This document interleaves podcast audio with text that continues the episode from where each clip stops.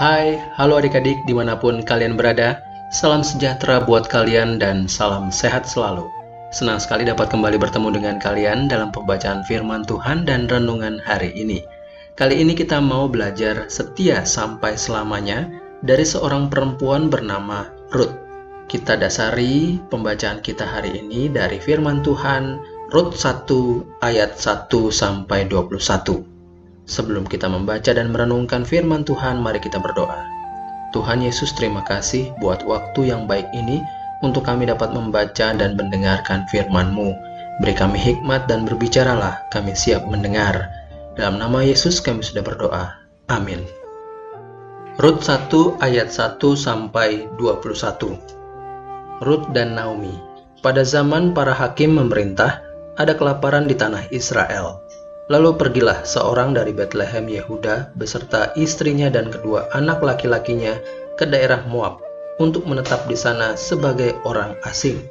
Nama orang itu ialah Elimelek, nama istrinya Naomi, dan nama kedua anaknya Mahlon dan Kilion. Semuanya orang-orang Efrata dari Bethlehem, Yehuda. Dan setelah sampai ke daerah Moab, diamlah mereka di sana. Kemudian matilah Elimelek suami Naomi, sehingga perempuan itu tertinggal dengan kedua anaknya. Keduanya mengambil perempuan Moab, yang pertama bernama Orpa, yang kedua bernama Ruth. Dan mereka diam di situ kira-kira 10 tahun lamanya.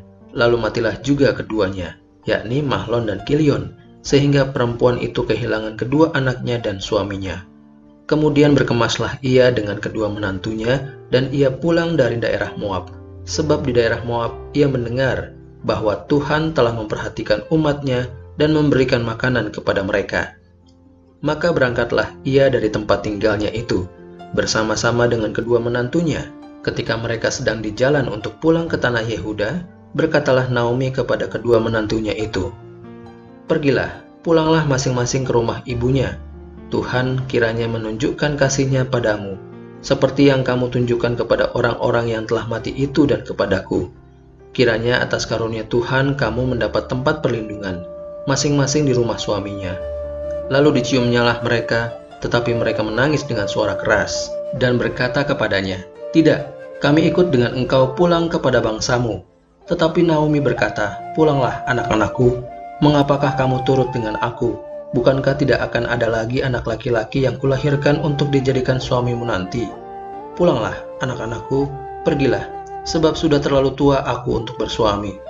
Seandainya pikirku ada harapan bagiku, dan sekalipun malam ini aku bersuami, bahkan sekalipun aku masih melahirkan anak laki-laki, masakan kamu menanti sampai mereka dewasa? Masakan karena itu kamu harus menahan diri dan tidak bersuami? Janganlah kiranya demikian anak-anakku, bukankah jauh lebih pahit yang aku alami daripada kamu? Sebab tangan Tuhan teracung terhadap aku, menangis pula mereka dengan suara keras. Lalu Orpa mencium mertuanya itu minta diri. Tetapi Ruth tetap berpaut padanya. Berkatalah Naomi, telah pulang iparmu kepada bangsanya dan kepada para allahnya. Pulanglah mengikuti iparmu itu. Tetapi kata Ruth, janganlah desak aku meninggalkan engkau dan pulang dengan tidak mengikuti engkau. Sebab ke mana engkau pergi, ke situlah juga aku pergi. Dan di mana engkau bermalam, di situ jugalah aku bermalam. Bangsamulah bangsaku dan Allahmulah Allahku. Di mana engkau mati, aku pun mati di sana, dan di sanalah aku dikuburkan.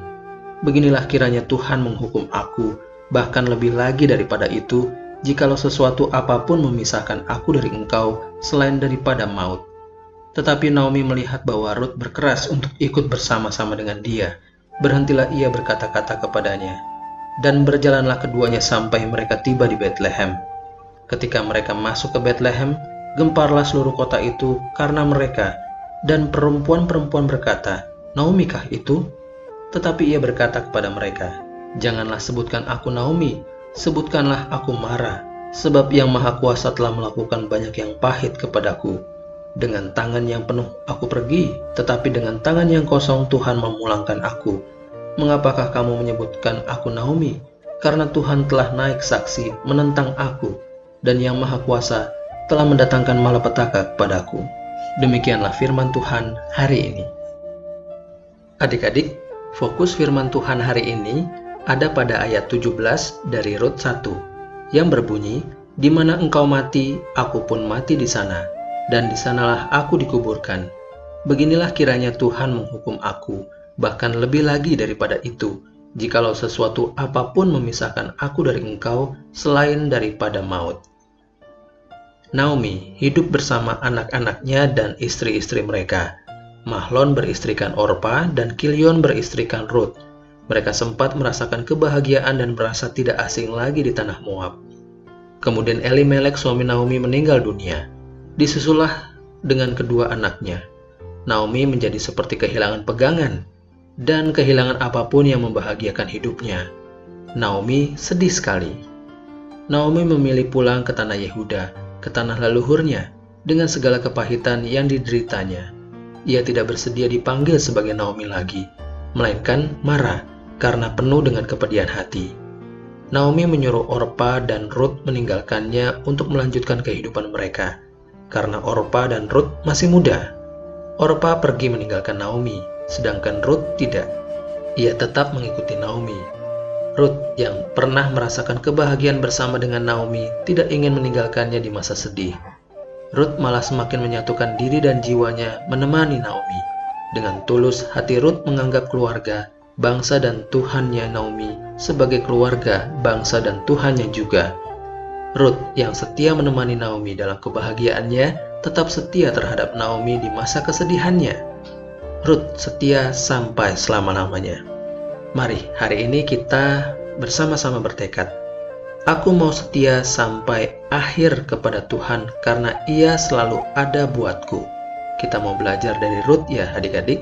Kita bertekad Aku mau setia sampai akhir kepada Tuhan karena Ia selalu ada buatku. Mari kita berdoa.